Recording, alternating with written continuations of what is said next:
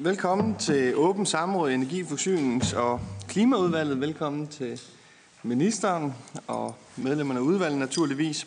Vi har øh, et punkt på dagsordenen i dag, og det er øh, samråd, et åbent samråd indkaldt af Ida Augen fra Radikale Venstre omkring de øh, kystnære vindmøller. Så indledningsvis vil jeg blot give ordet til samrådets indkalder, Ida Augen, for at motivere for samrådet. Værsgo. Mange tak. Danmark er jo kendt som en vindmøllenation i hele verden, og vi er et land, som faktisk er glade for vores vindmøller, ikke bare for at producere dem, men også for at have dem. Og øh, vi har en meget stor del af vores elektricitet fra vindmøller. Alligevel så oplever vi nu, at tæppet bliver trukket væk under et vigtigt vindmølleprojekt i Danmark.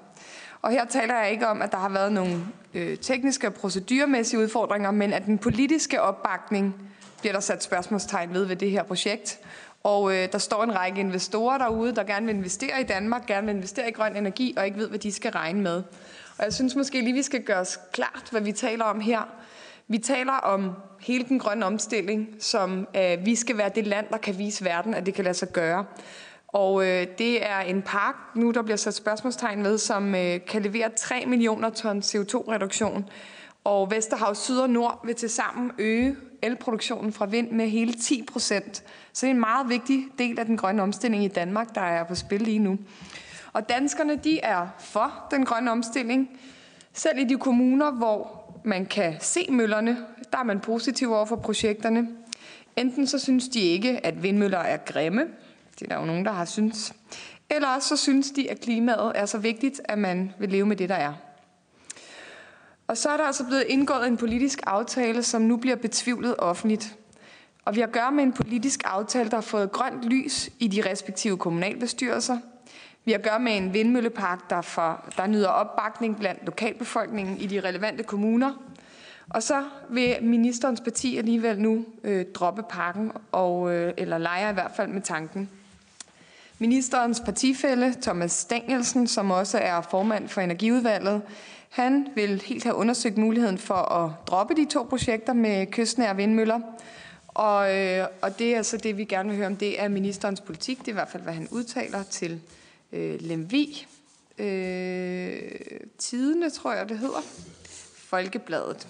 Det stod ikke lige her på overskrift. Øhm, og øh, han siger blandt andet, at det kunne være oplagt at spørge Verdenfald om prisen for at flytte møllerne 20-30 km ud fra kysten, selvom det vil være et nyt udbud. Så hvad koster det egentlig? Det øh, må vi øh, forvente, at ministeren har svar på nu, når det er blevet spurgt om det fra partifælden. Og i, i det hele taget, det her er jo kernen i, øh, at vi har det her samråd i dag, det er for at finde ud af, hvad regeringen og Venstres forhold er til Vesterhav Syd og Nord. Derfor har vi stillet følgende samrådsspørgsmål. Øh, samrådsspørgsmål T. Vil ministeren redegøre for, hvordan en udskydelse af de to havvindmølleparker Vesterhav Syd og Vesterhav Nord vil påvirke Danmarks grønne mål? B. Hvordan den tabte grønne energi fra en udskydelse af de to havvindmølleparker Vesterhav Syd og Vesterhav Nord vil skulle erstattes? Samrådsspørgsmål U. Vil ministeren redegøre for, om regeringen påtænker at opsige den politiske aftale om de to havvindmølleparker Vesterhav Syd og Vesterhav Nord? Øh, og for den lokale opbakning til de to havvindmølleparker Vesterhav Syd og Vesterhav Nord i betragtning af, at 72 procent af borgerne i Ringkøbing Skærm, Lemvi og Tisted kommuner er enten positivt eller meget positivt indstillet over for de to havvindmølleparker hvor meget det vil koste at droppe de to havvindmølleparker Vesterhav Syd og Vesterhav Nord, og at kompensere selskabet, som skal opføre vindmøllerne, som foreslået af ministerens partikollega. Og D, hvad det betyder for investorers tiltro til Danmark som land at investere i, hvis man dropper eller udskyder de allerede planlagte havvindmølleparker. Tak til ordføreren, eller samrådsindkalder Ida Augen fra Radikale Venstre, og værsgo til ministeren for besvarelse af spørgsmålet. Tak til fru Ida Augen for, for spørgsmålet, som jeg på bedste vis vil forsøge at besvare i det følgende. Indledningsvis kan jeg kort forklare, Energistyrelsen i marts modtog en anmodning om tidsfristforlængelse for i driftsættelsen af Vesterhav Syd og Nord. Anmodningen er en konsekvens af Energiklagenævnens afgørelse fra december 2018, som betyder, at der skal gennemføres en supplerende miljøvurdering for det konkrete projekt ved Vesterhav Syd. Vattenfall vil dog også udføre en supplerende miljøvurdering for Vesterhav Nord. Jeg vil i det følgende svare på de seks stillede spørgsmål. Spørgsmål T går på, på om tidsfristforlængelsen af Vesterhav Syd og Nord vil påvirke Danmarks grønne mål, og hvordan regeringen vil erstatte den tabte grønne energi fra pakkerne. Det er selvfølgelig ærgerligt, at vi ikke kan få den vedvarende energi fra pakkerne ind i vores energisystem allerede i 2020. Men tidsfristforlængelsen øh, men, tid, men tidsfristforlængelse vil ikke påvirke opfyldelsen af målene for 2030. Øh, selvom der sker en vis udskydelse, vil pakkerne være opført til den tid. Forsinkelsen vil alt andet lige betyde en forøget CO2-udledning.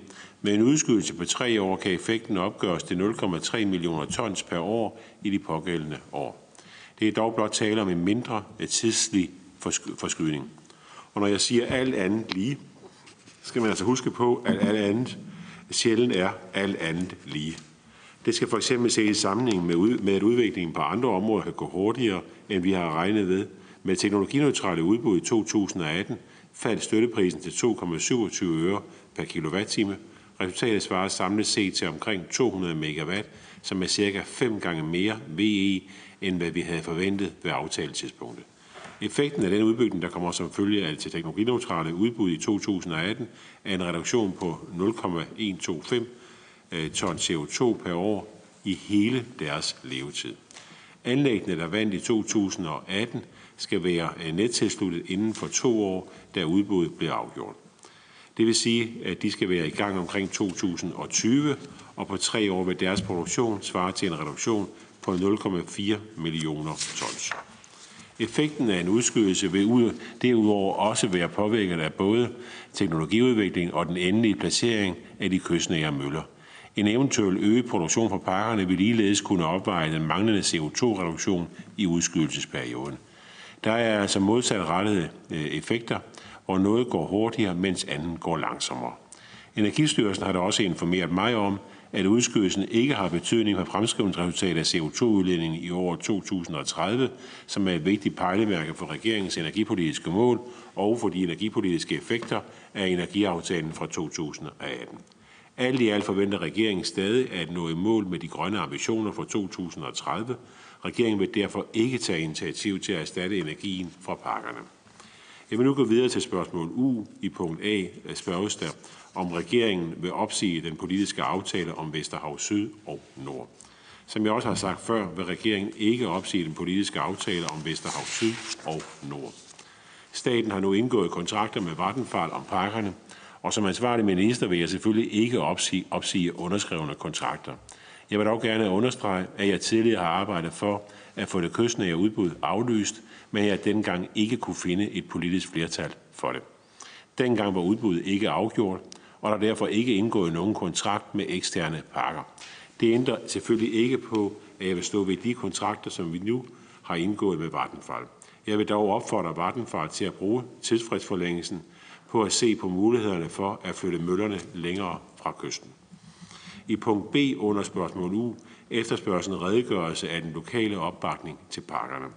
Det er rigtigt nok lavet en rundspørg blandt lokale, der viser, at 72 procent bakker op. Lokale er ikke nødvendigvis naboer til møllerne, og en stor opbakning i rundspørgen udtrykker måske, at det kan være nemmere at bakke op, hvis man ikke er direkte nabo til møllerne. Jeg tror, at vi her på Christiansborg skal passe på med at underkende den lokale modstand, der er ude i landet imod de her øh, pakker. Jeg kan konstatere, at byrådet i f.eks. Ringkøbing Skjern Kommune eksplicit har opfordret til, at møllerne rykkes længere væk fra kysten. Også Lemvig Kommune har opfordret mig, har over for mig udtrykt ønske om at få flyttet møllerne. Det kan jeg kun se som, at lokalpolitikerne derude opfatter en generel modstand blandt, eller opfatter en generel modstand blandt de lokale. Derudover opfatter de mange klager ved Energiklagenævnet og alle sager om værditab ved taxationsmyndigheden som par tegn på, at der findes rigtig mange mennesker, som ikke ønsker opførelsen af de her møller. Det tager jeg som minister meget alvorligt. I punkt C under spørgsmål U henviser der til Thomas Danielsens udtalelse om muligheden for at aflyse projekterne. Lad mig slå fast, at det ikke er regeringens plan. Der er flere grunde til, at vi ikke kan opsige aftalen med Vattenfall mod en kompensation. Først og fremmest vil det stride imod udbudsretten. Der er ingen bestemmelse i kontrakterne, som giver staten mulighed for at annullere kontrakterne, heller ikke mod at betale en bud til Vattenfall. Fraværet af en sådan bestemmelse har højst sandsynligt medvirket til en høj grad af investeringssikkerhed, der kan have, der kan have bidraget til, at Vattenfall kunne byde så lav en pris på projekterne, som det var tilfældet. Hvis vi aflyste kontrakterne med Vattenfall, vil det derfor højst sandsynligt medføre, at Vattenfall fremfører et erstatningskrav. Der er stor usikkerhed bundet med at forudsige størrelsen på et eventuelt erstatningsbeløb. Der er mange ubekendte faktorer, og i sidste ende vil erstatningen bero på en konkret vurdering ved domstolene set i forhold til de sagsposter, som Vattenfall måtte fremsætte. Det vurderes, at en aflysning af projekterne kan medføre, at staten vil skulle betale en kompensation i milliardklassen til Vattenfall. Det mere præcise beløb vil skulle belyses i en erstatningssag, hvilket dog ikke bliver aktuelt, da regeringen ikke har planer om at opsige kontrakterne. I det sidste spørgsmål bedes øh, jeg redegøre øh, for, hvad det betyder for investorers øh, tiltro til Danmark, hvis man dropper eller udskyder planlagte projekter. Som jeg også har redegjort for tidligere, vil det højst sandsynligt have en række meget uhensigtsmæssige konsekvenser for Danmarks ry som en investeringssikkert land og påvirke kreditvurderingen af fremtidige danske havvindmølleprojekter, hvis vi valgte at aflyse projekterne. Et kontraktbrud vil kunne afholde projektudviklere fra at deltage i fremtidige danske havvindmølleudbud, hvilket vil, hvilket vil forringe konkurrencen, og det vil fordyre øh, den danske grønne omstilling til skade for danske skatteudøvere. Det er selvfølgelig ærgerligt, at Vattenfall Syd og Nord bliver udskudt, og jeg kan godt forstå, hvis det for mange lokale ikke er optimalt, at processen nu muligvis trækker længere ud. Men jeg håber omvendt, at processen kan ende med, at møllerne flyttes lidt længere ud på havet. Samtidig har jeg en forhåbning om, at der er forståelse for udskydelsen i den her sag. Det ansvarlige er at lytte til energiklagenævnets afgørelser og dermed sikre, at borgernes klageadgang til så store energiinfrastrukturprojekter respekteres. Tak for ordet. Tak til ministeren for besvarelse af samrådsspørgsmålet. Og det er sådan, at indledningsvis så vil samrådsindkalder få to opfølgende øh, spørgsmål til ministeren. Øh, og første opfølgningsspørgsmål fra samrådsindkalder øh, giver jeg så herved til Ida Augen. Værsgo. Mange tak for det, og det var jo øh, rart at øh, få en, øh, et tydeligt svar fra øh, regeringen, men jeg går også ud fra, at det er Venstres holdning. Fordi at man må bare sige, at, øh, at Venstre taler med to tunger i den her sag. Man siger et lokalt, hvor øh, det kan være øh, opportunt, og hvor der kan være øh, stemmer i det, og så siger man noget andet på landsplan. Og det synes jeg bare må være rigtig rart, også for dem, der, øh, der øh, kæmper om stemmerne over i, øh, i det område, at, at der skal ikke være her nogen tvivl om, hvad Venstre mener på det her område. Og det synes jeg jo så bare øh, vil være rart, at ministeren vil bekræfte, at det også er Venstres holdning, og ikke bare regeringens holdning, at øh, de her havvindmølleparker, de skal bygges, og at Venstre heller ikke har tænkt sig at ryste på hånden i det her øh, spørgsmål. Så vil jeg bare sige, om jeg har forstået ministeren ret, at øh, det, man nu kommer bagud på det her øh, udbud, det har man ikke tænkt sig at prøve at indhente, fordi man siger, at vi når det nok i 2030.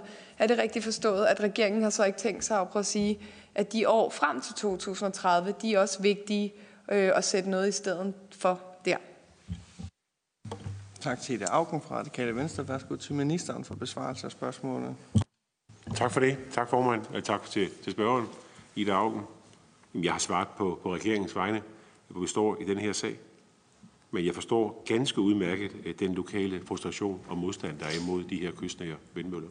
Og det forstår jeg også godt, at der er øh, lokale folketingsmedlemmer, som tager den her sag øh, ganske alvorligt. Det har jeg stor forståelse for. Men jeg må så også bare sige, at det er således, at der er ingen bestemmelser i kontrakterne, som giver staten mulighed for at annullere kontrakterne, heller ikke imod at betale en eventuel bod til Vattenfall.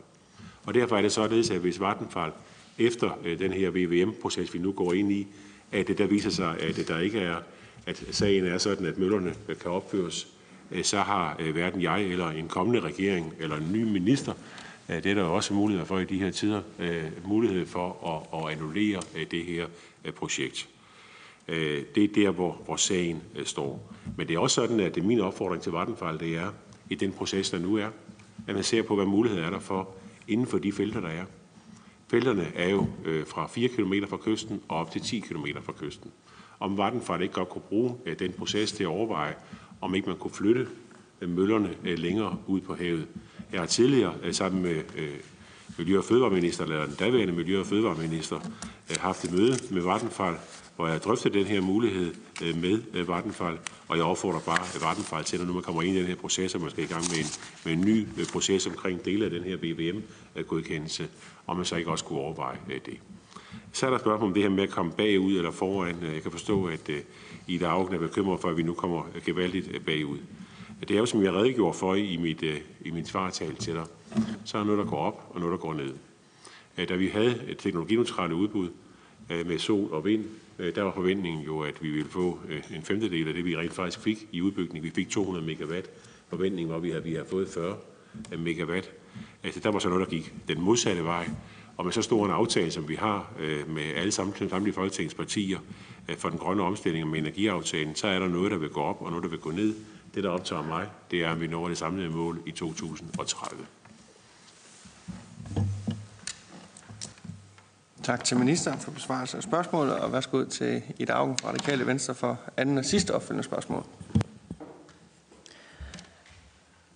Vi står i et tidspunkt i historien, hvor klimaproblemerne burde stå lysende klart for alle. FN giver os få år til at vende kurvene fuldstændigt. Vi skal vise, at vi kan blive fri af fossile brændsler. Vi skal lave et samfund, der er drevet af vind og af sol og af grøn energi. Vi skal have det ind i vores transportsektor. Vi skal det lavet om på landbruget. Vi skal have lavet om på vores energisystemer. Vi skal bygge så meget vind, at vi kan lukke kulkraftværker i Europa.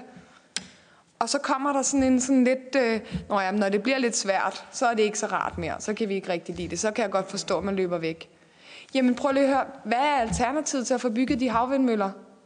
Det er jo, at vores børn kommer til at betale prisen i den anden ende. Og der er en total mangel på lederskab fra den her regering, når vi skal høre dem sige, ja, men så aflyser vi de møller, så går der lidt tid, vi behøver ikke at sætte noget i stedet. Der kommer lidt gynger og karuseller. Hvor er lederskabet i det her?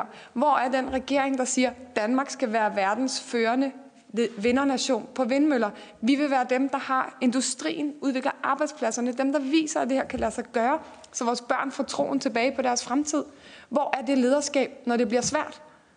Der synes jeg bare, at det ville være rigtig glædeligt, at jeg også fik et svar fra Venstre, fra en ledende minister fra Venstrepartiet til at sige, det her, det er noget, vi mener.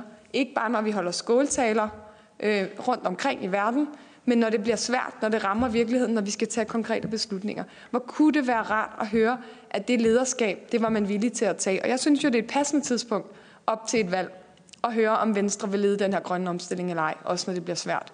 Så er det noget, Venstre har tænkt sig at lede, eller har man tænkt sig igen og igen at sidde og ryste på hånden, når det her det bliver øh, noget, som øh, også har konsekvenser i den anden ende?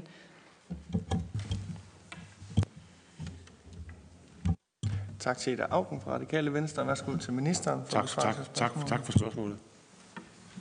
Så man må sige, at det er da en underlig måde at tale ned til folk på som du kan repræsentere lige nu. Jeg har stor respekt for dig og for dine øh, politiske synspunkter. Jeg synes faktisk, du er en rigtig øh, dygtig øh, politiker. Jeg synes også, du burde have respekt for dine politiske modspillere. Vi står på mål for energiaftalen. Vi står på mål for den grønne omstilling. Vi har lavet en stor, omfattende energiaftale med samtlige folketingspartier, ikke mindst takket ved det radikale venstres indsats i den forbindelse, som jeg heller ikke har lagt skjul på, spillede en helt central rolle i den proces. Det var jeg glad for. Men det er også afgørende for mig, at der er opbakning til den grønne omstilling at vi sørger for at bygge ud med vedvarende energi på en måde, så der er folkelig opbakning øh, til det. Jeg må konstatere, at øh, i forhold til de kystnære vindmøller, både Lemvi, men ikke mindst, altså både, både Vesterhav Nord og Vesterhav Syd, der er ikke nogen sag, hvor jeg har fået flere henvendelser fra borgere, både lokale, om folk, der har sommerhus i områderne, som jeg har fået i forhold til Vesterhav Syd. I perioder var det dagligt en stor stak henvendelser. Jeg har ikke kunne vise mig i området det år, uden at jeg har fået henvendelser om det det er ikke fordrende for den grønne omstilling, når der er så massiv en lokal modstand. Det, der også er sket i mellemtiden, siden vi besluttede de her møller tilbage i 2012, det er jo, at der er kommet nogle alternativer. Altså øh, udbygning, ikke mindst massivt på havet, langt ude på havet. Den vindmøllepark, som også det radikale venstre har været en del af i forhold til at både at beslutte og også at placere øh, ved Tors Minde, ved Tor havvindmøllepark placeret 20 km ude på havet, der oplever jeg jo slet, slet ikke, altså i samme omfang, der kan være enkelte, enkelte borgere, som synes måske i visse værtyv, man kan se møllerne. Det der er udfordring ved Vesterhavn Syd, det er jo, at de står og kommer til at stå ekstremt tæt på kysten, og 4 km fra kysten af, det er ganske enkelt for tæt. Spørger du mig, om jeg, øh, den aftale, vi indgik i 2012, som jeg jo repræsenterede næsten alle folketings... Ja, det var jo... Var der ingen parti, der ikke var med? Det var der vist. Øh, øh så var, var det, synes jeg, at vi skulle have truffet en anden beslutning dengang. Jeg forsøgte også på, og det ligger heller ikke på, da vi kom til i 2015 øh, i den smalle venstre regering, og forsøgte på, inden, inden der var indgået de her kontrakter, øh, og sige, kunne vi ikke erstatte det her med en havvindmøllepark, placere det andet sted, øh, længere ude på havet, eller fundet en anden løsning. Jeg må så erkende, at det var der et uh, stort politisk flertal udenom den daværende Venstre-regering, der mente noget andet om. Det respekterer jeg. Der kom en, en, en proces med en licitation og et udbud. Øh, nogen vandt det. Øh, jeg var ikke begejstret for det, men det er klart, som minister lever selvfølgelig op til de aftaler, der er. Jeg er helt overbevist om, at selvfølgelig kan man, øh, selvfølgelig kan man løse øh, klimaudfordringen og den grønne omstilling og, og på en måde, så man ikke behøver at placere vindmøller så tæt på, på kysten, som det er tilfældet øh, ved Vesterhav Syd. Det står jeg gerne på mål for, men jeg respekterer også den politiske beslutning. Jeg respekterer, respekterer den hvad hedder det, licitation, det udbud, der har været, den afgørelse, der er, og det, skal, det tror jeg aldrig nogensinde finde på, Verden at trække indgåede kontrakter tilbage eller omgås politiske aftaler. Det ligger dybt i blodet på mig som minister. Tak til ministeren for besvarelse af de to indledende øh, spørgsmål. Og vi går over til den øvrige øh, talerrække eller spørgerække. Og første spørger på listen, det er Mikkel Denker fra Dansk Folkeparti. Værsgo. Ja, tak. Da jeg hørte øh, Ida Augen motivere sit øh, spørgsmål, så, så lød det som om, at Ida Augen var meget overrasket over, at, at, øh, at, at Venstre øh, var, var skeptisk over for placeringen af de to øh, kystnære havvindmølleparker, Vesterhav Nord og Vesterhav Syd.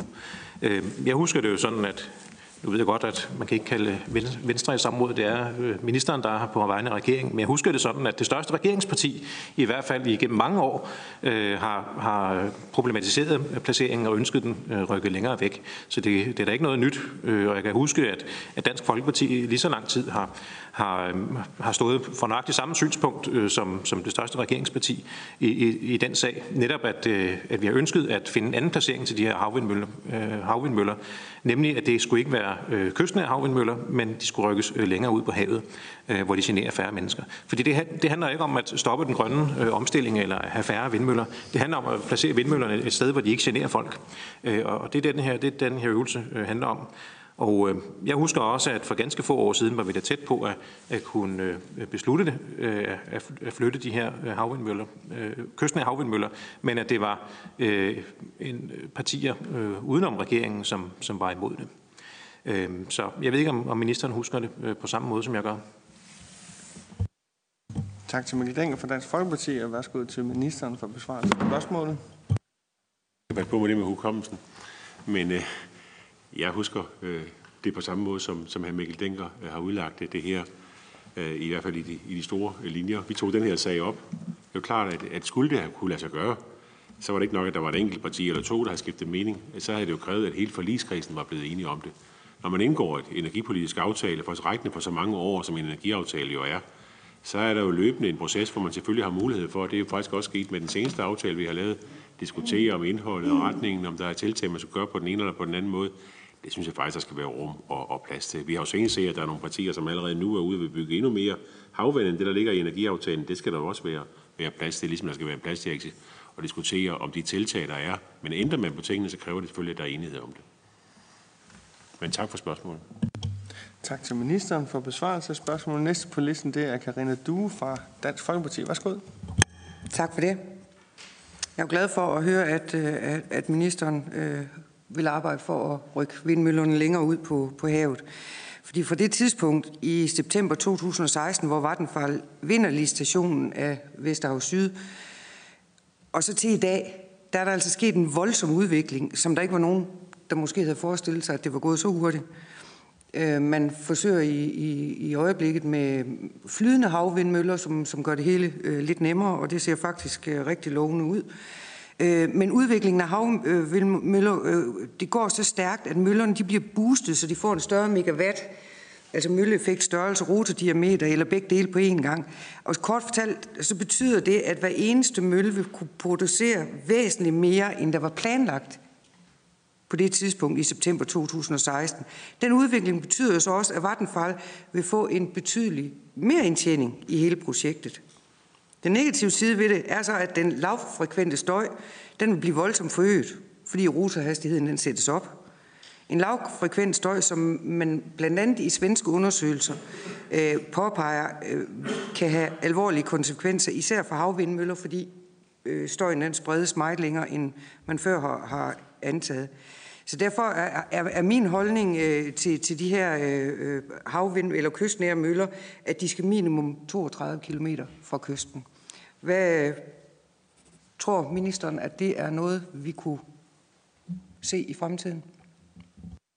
Tak til Karina Due fra Dansk Folkeparti, og værsgo til ministeren for besvarelse af spørgsmålet. Den, den seneste havvindpakke er placeret 20 km fra kysten. Det var øh, den, der ligger ved Tors Minde.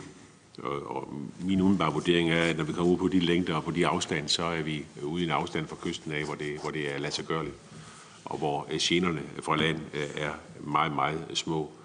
Øh, det er klart, at der er en enorm forskel på, om en vindmølle er placeret 4,2 km fra kysten, eller den er placeret 20 km fra kysten. Og jeg deler sådan set det, som Karina Due siger omkring teknologiudviklingen. Der er jo sket en kolossal udvikling på området. Det er der både gjort i forhold til teknologien, men det er der også gjort i forhold til prisdannelsen på det. Altså den er jo, vi er jo, øh, og der sker noget hver eneste, han er sagt, helt løbende. Møllerne bliver større og større og mere og mere, og de kan producere mere og mere per enhed. Det er der kun grund til at være rigtig, rigtig glad og, og, og glad for.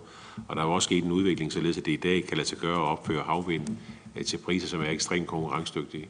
Da vi siden morgen i 2012 besluttede os øh, for havvindmølleparkerne og det udbud, der var, Øh, der var det jo en forventning, fordi der var en forventning om, at det ville være den billigste løsning. Øh, der må man bare konstatere i dag, at der er der andre løsninger, der er mindst lige så konkurrencedygtige og som ligger længere væk.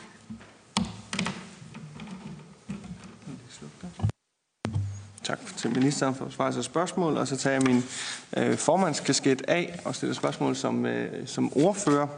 Øh, og det er jo fordi, at øh, øh i Augen øh, antyder, eller i hvert fald direkte siger, at, at øh, Venstre skulle tage med to tunger i, i den her sag.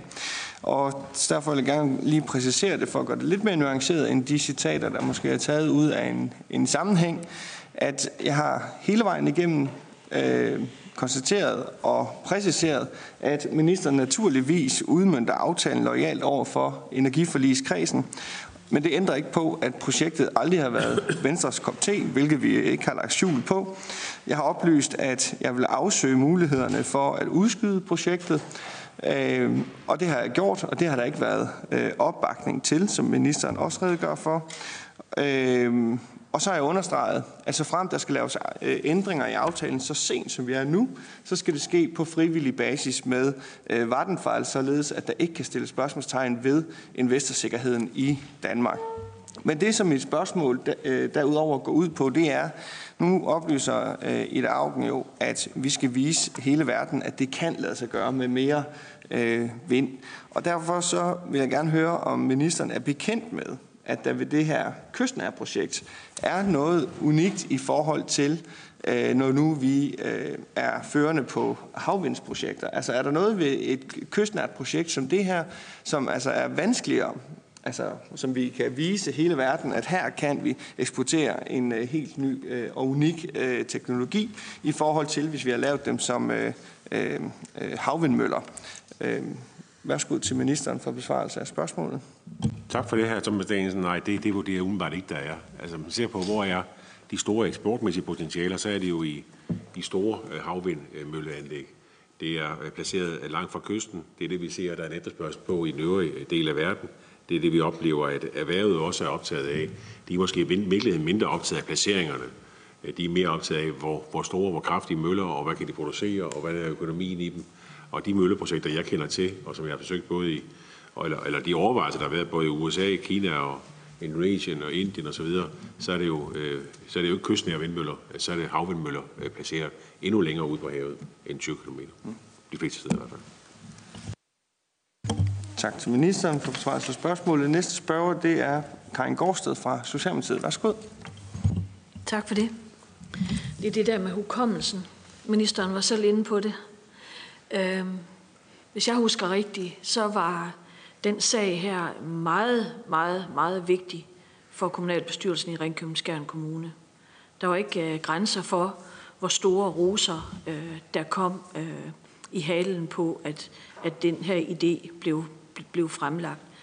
Nu er det sådan, at jeg har selv sommerhus øh, op ved Harboøre, og det er Lemvig Kommune, og det er også en venstre ledet, øh, ledet øh, kommune, og der har øh, også været begejstring der så er det så, jeg tænker, hvad, hvad, hvad, hvad er det så, der sker der, efter.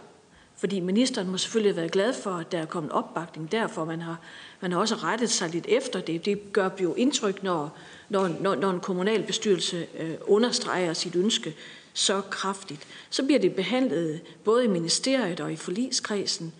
Og så, øh, og så, og så ender man med at give sådan et, et, et kæmpe gab. Altså, et, synes jeg, et kæmpe gab, øh, som, øh, som dem, der vil byde på projektet, så kan, så kan øh, bevæge sig indenfor.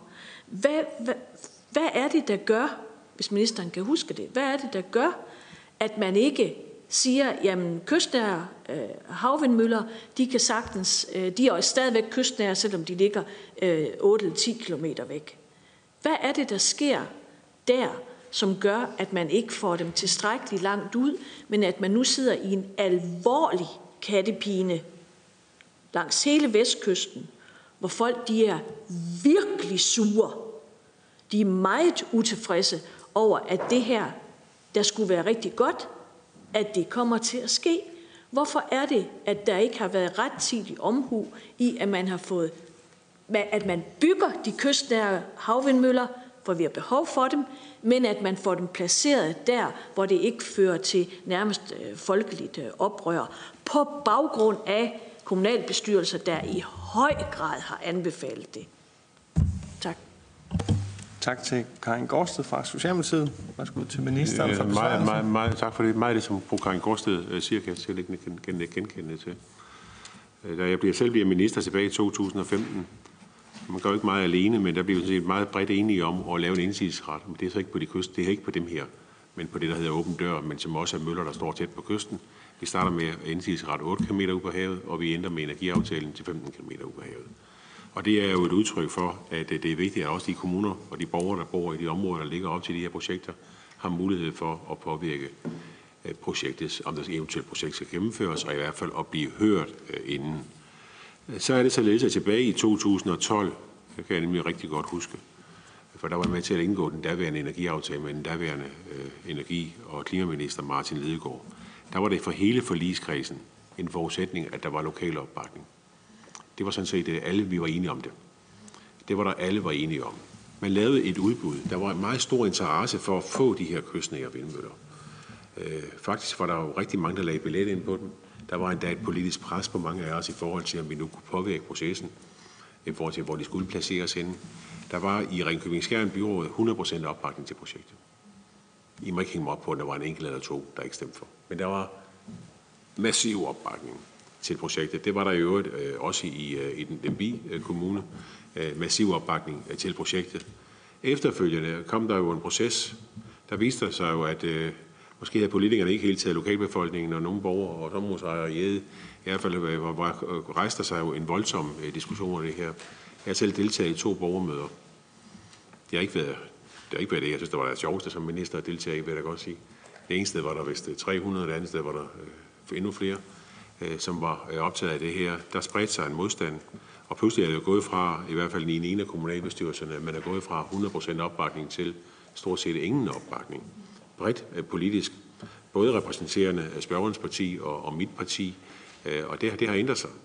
Og det er jo øh, fordi, at for nogens vedkommende er det måske gået op for, hvad det her, hvor tæt det kommer på. Og så er der også nogen, som jeg tror, jeg oplever også, at det er jo ikke fordi, de mennesker, der møder op til de her borgermøder, er modstandere af den grønne omstilling. De er bare frustrerede og siger, jamen der er der kommet, kære politikere, nogle andre muligheder, som også kan lade sig gøre økonomisk, end der kan man nu lave havvind til næsten ingen støtte, i hvert fald ikke til driftsstøtte. Der skal lidt flere penge til i landføringen, når kablerne kommer længere ud, end, end øh, hvis de er helt tæt på kysten. Men det kan lade sig gøre, og det er det, jeg, det, er det, jeg har oplevet, der er sket. Altså, øh, Og jeg kan bare huske det her, vi var så enige om, at det var vigtigt, at der var opbakning. Og kommunalbestyrelsen blev taget i ed øh, på det. Og jeg oplevede endda også før valget i 2015, fordi der var vi allerede begyndt i- internt i Venstre at diskutere det her spørgsmål.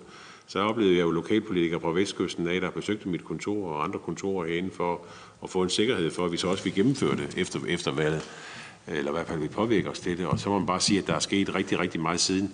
Og øh, jeg tror, at det er helt afgørende for den grønne omstilling, at det skal det lykkes, hvad enten man placerer biogasanlæg, øh, vindmøller, solceller eller andre ting, så er det altså vigtigt, at der er måske ikke 100% opbakning i lokalsamfundet, men i hvert fald stor og bred opbakning øh, til det, og man placerer dem på en måde, så de generer folk mindst muligt. Og der er nogle følelser omkring det her med en kyst, et udsyn. Altså, det må, man bare, det, det, det, må, det, det må jeg i hvert fald også konstatere på mit eget vedkommende. Tak til ministeren for besvarelse af spørgsmålet. Næste spørger, det er Ida Augen fra Radikale Venstre. Værsgo. Jeg, jeg synes, det er meget, meget sigende, det vi oplever nu her. Netop ved at gå historikken igennem, der var jeg jo så heller ikke øh, energiordfører, da man vedtog det her. Der var jeg nemlig miljøminister. Så øh, det var ikke mig, der sad til de forhandlinger. Men jeg kan også godt huske, at forligskredsen var enige om, at der skulle være lokal opbakning. Så vi altså tilbyder fra Christiansborg side, at man kan få de her kystnære møller. Der er forskellige, der byder på dem. En venstreledet kommune er der ikke absolut flertal for Venstre i Ringkøbing Skærm. Det tror jeg. De siger, at de vil gerne have de her møller. De har en meget, meget stor indflydelse, tror jeg også på placeringen, meget bekendt. Og det er det, jeg vil spørge ministeren om. Har der været nogen kommunal øh, indflydelse på selve placeringen? Hvor nordligt, sydligt skulle de ligge? Hvor langt ude inden for den ramme, vi ligesom havde givet, skulle det ligge? For det synes jeg er helt afgørende, at man øh, må kunne stole på de politikere, der sidder. Altså det er jo ikke øh, USA, det her, Donald Trump, der kan aflyse alle tidligere regeringers øh, kontrakter og aftaler. Så et, et byråd med et venstreledet øh, flertal, som så skifter holdning midt i det hele, det tegner jo et, et virkelig dårligt billede af Danmark som et land, der skal lede den grønne omstilling. Så kunne vi ikke lige få at vide, om, øh, om Venstre og øh, byrådet i Lemvi og Ringkøbing Skærm, hvad de havde af indflydelse på placeringen. Det vil jeg gerne have opfrisket.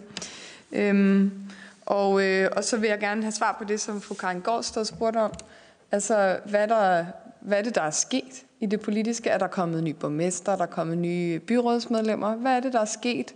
Øh, fordi vi ved jo, at øh, det er ikke sådan, at de ikke har lyttet på befolkningen. De har jo lavet en spørge, øh, schema rundspørge, som viser, nu skal jeg finde tallene her, at øh, jeg tror, det er 72 procent øh, af befolkningen, der støtter det, øh, der støtter øh, de, øh, de her møller i området, i både Ringkøbing og Skærm. Så det synes jeg er, er ret relevant at få at vide, hvad der sådan ligesom er sket på det politiske andet, end at der så er nogen, øh, som øh, meget, meget, meget set i processen vågner op og siger, at det, det vil de så gerne lave om på.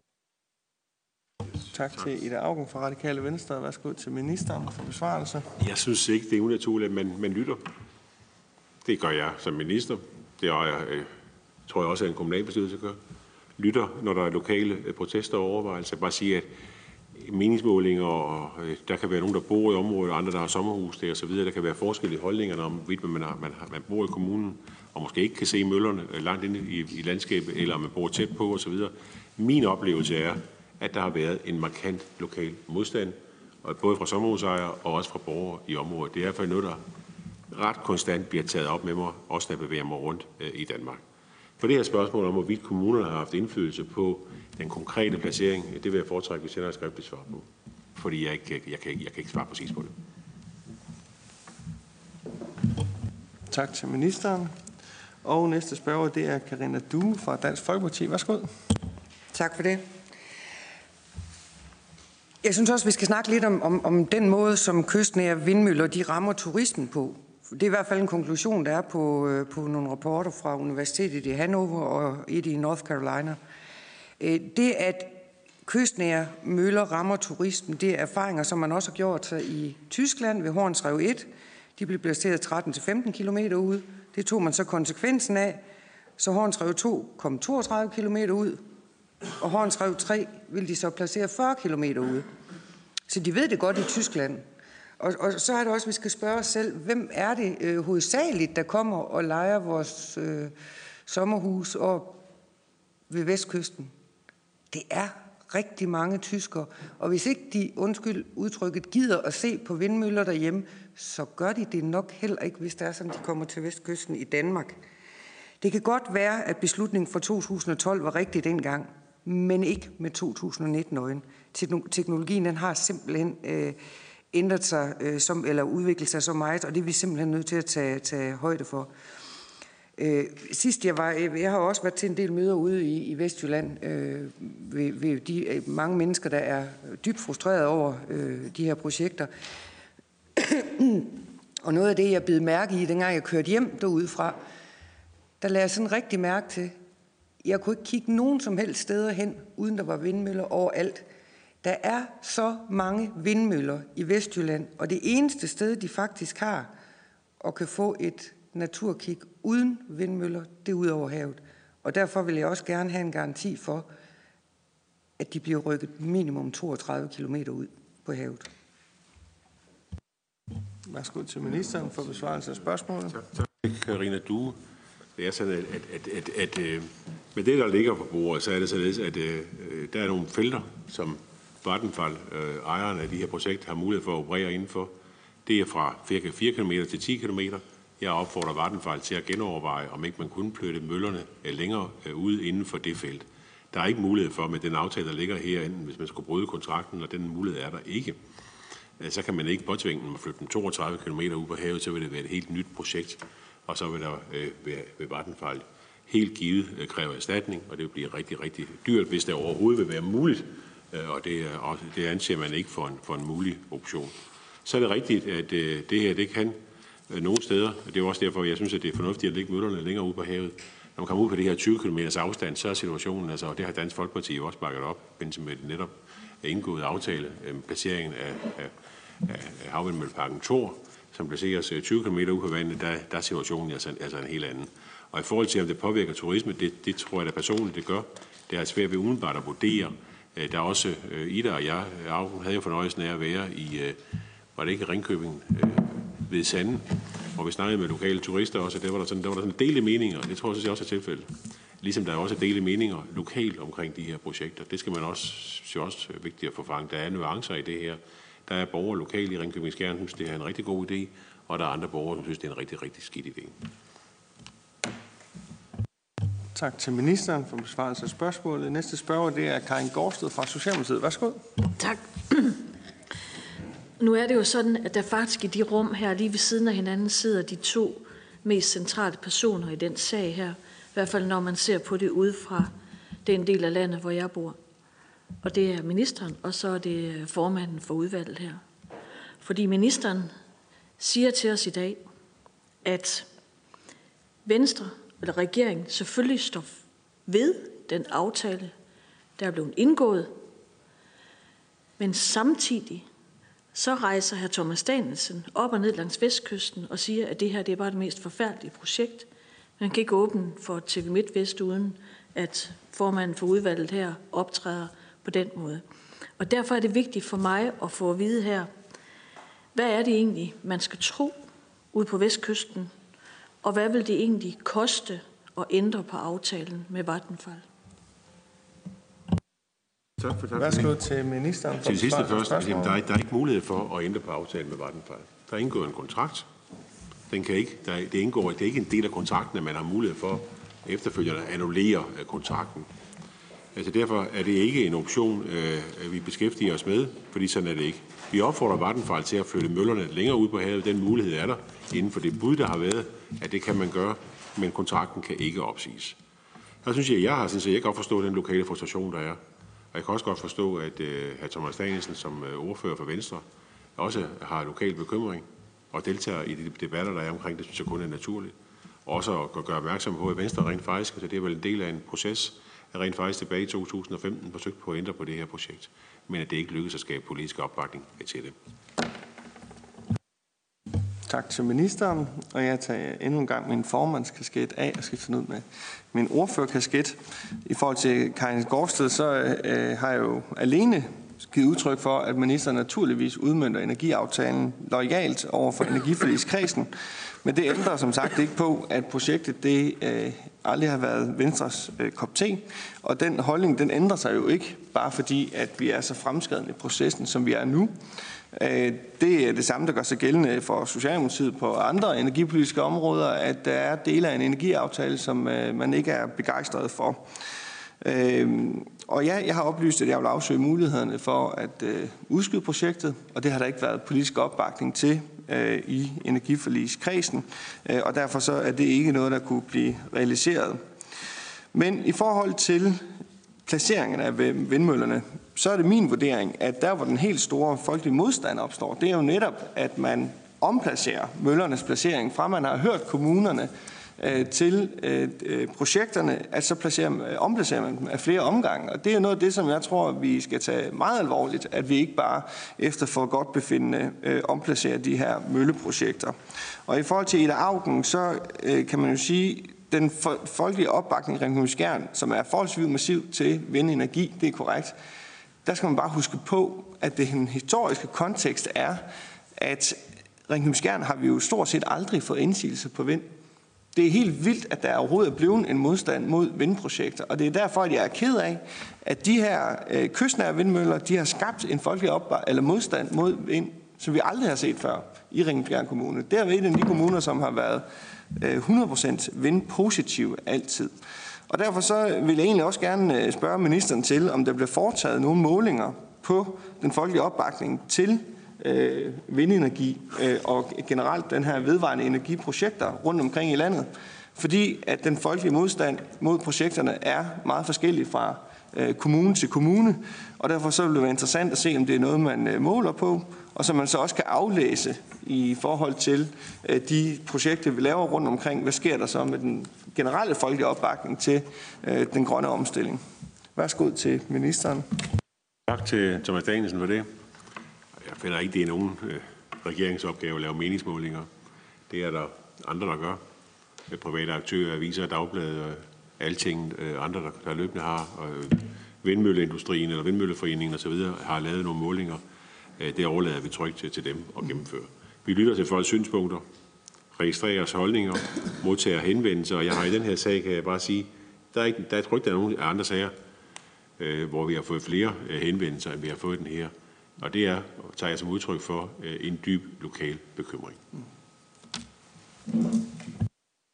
Tak til ministeren for besvarelse. Næste spørger, det er Ida Augen fra Radikale Venstre. Værsgo. Vi lytter, siger ministeren. Ja, det er derfor, man har en høringsfase. Det er derfor, man laver en proces, hvor det er der, man bliver hørt. Det er derfor, man inddrager kommunerne og spørger dem. Og når den proces så er kørt færdig, så har man lyttet, og så har man taget en beslutning. Man har taget en beslutning i Ringkøbing Skjern og i Lemvi med fuld åbne øjne med et venstreledet flertal. Men det er så den, man ikke kan stå på mål for lige pludselig midt i processen. Så begynder man simpelthen at få gummiarm, selvom man har inddraget befolkningen og lyttet.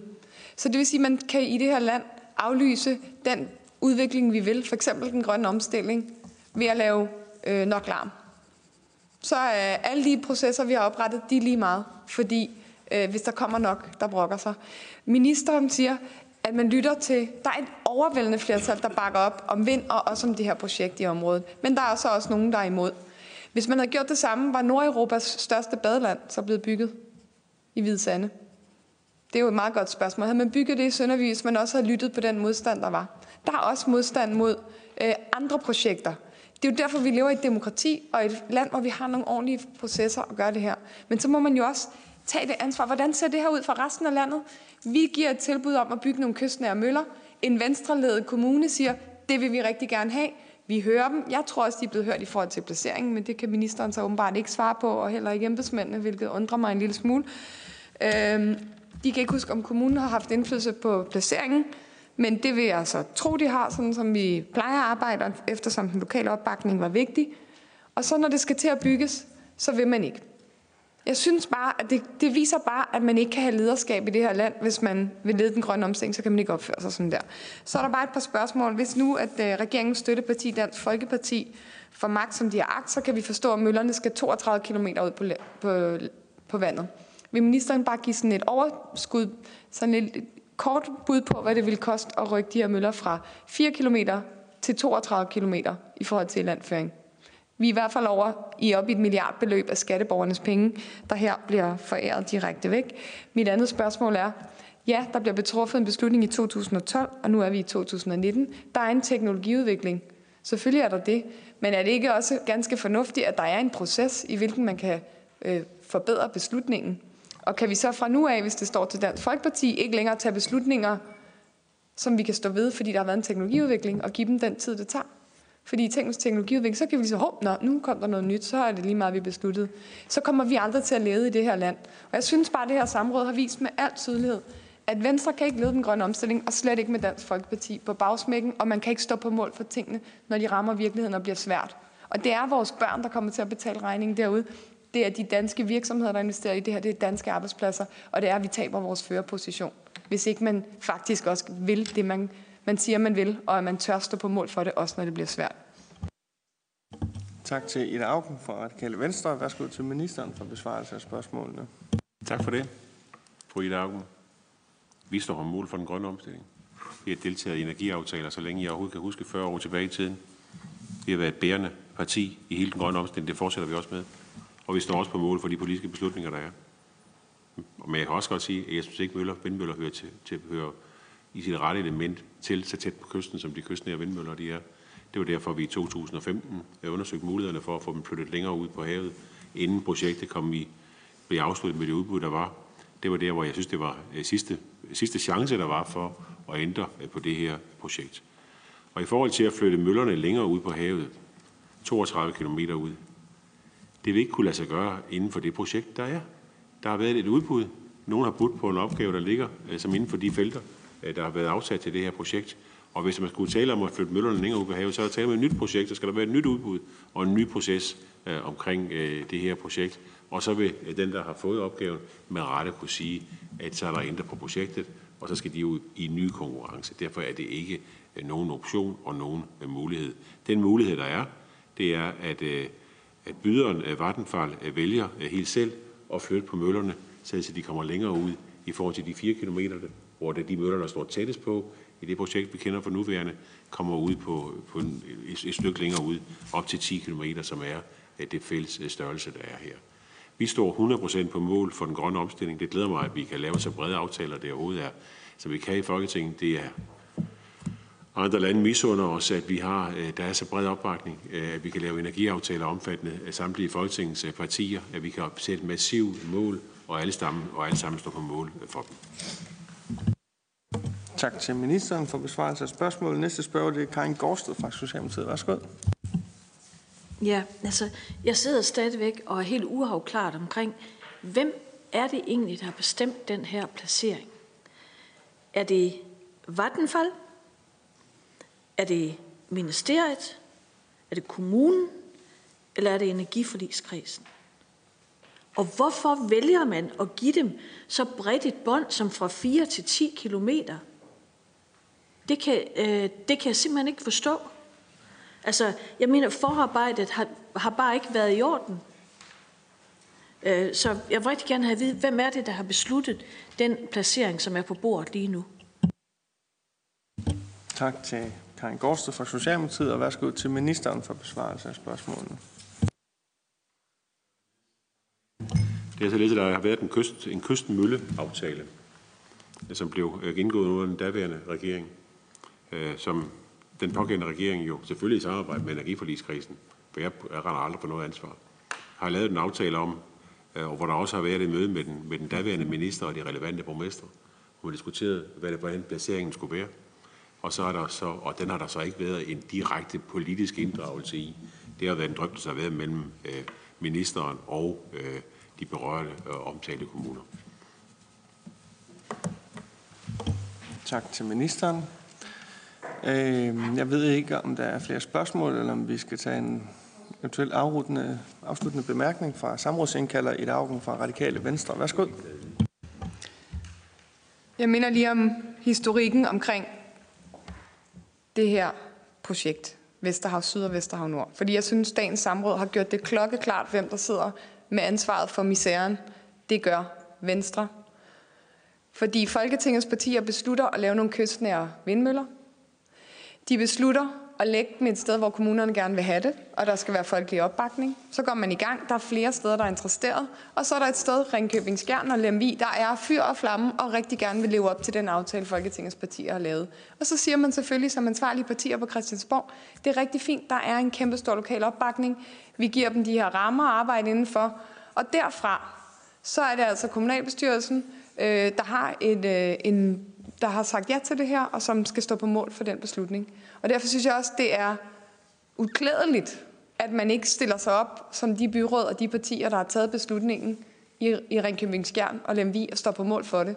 For milliardinvesteringer er på spil her, fordi Danmarks grønne omstilling er på spil her, fordi Danmarks ry er på spil, fordi klimaet og vores børns fremtid er på spil. Så skal man ranke ryggen og stå på mål for de beslutninger, man har taget som politiker og som parti. Og det er altså, der er ikke nogen, der havde sagt dengang, de ikke måtte ligge på 8 km. Det havde det for vores skyld gerne kunne. Det er også en del af aftalen. Men det var jo fordi, man lyttede til de lokale, hvor det her skulle ligge. Og derfor synes jeg, at den her sag, ikke mindst til dem, der følger med lokalt, bliver man altså nødt til at tale med sine ansvarlige politikere i kommunerne og sige, at det er jer, der ikke har lavet jeres fodarbejde ordentligt, og det er jer, der skifter midt i et vadested alt, alt for sent efter høringsprocesser, efter alting.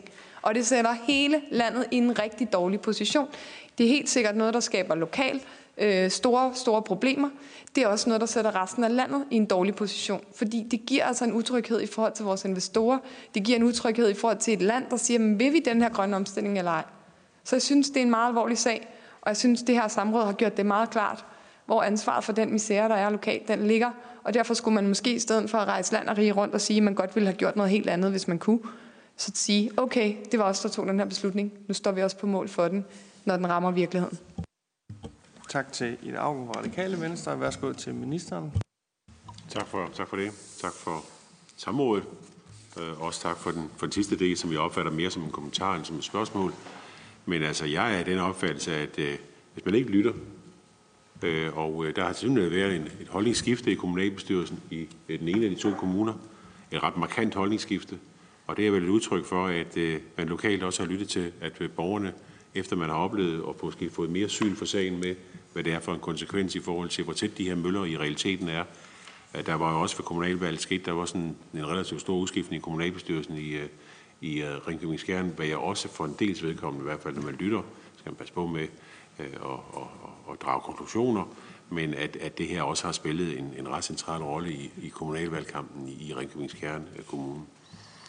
Jeg står, vi står som regering på mål, men det er også oplagt, at vi selvfølgelig lytter, også når der kommer øh, når nogen øh, kommer tilbage til os og siger, at øh, der er noget her, vi synes, der skulle være på en anden måde. Der er sket en teknologiudvikling. Vi er bekymrede over øh, øh, det her på de her projekter. Så synes jeg, at det vil være mærkeligt, hvis man ikke som minister også satte sig ned og lyttede til de synspunkter. Men øh, tak for samrådet, og tak for muligheden for at komme. Tak for ministerens tid, og tak for samrådsspørgsmålet fra Ida Augen. Jeg skal afslutningsvis på vegne af udvalget lige bede ministeren om at oversende eventuelle talepapirer. Der er ikke mere at gøre ved samrådet.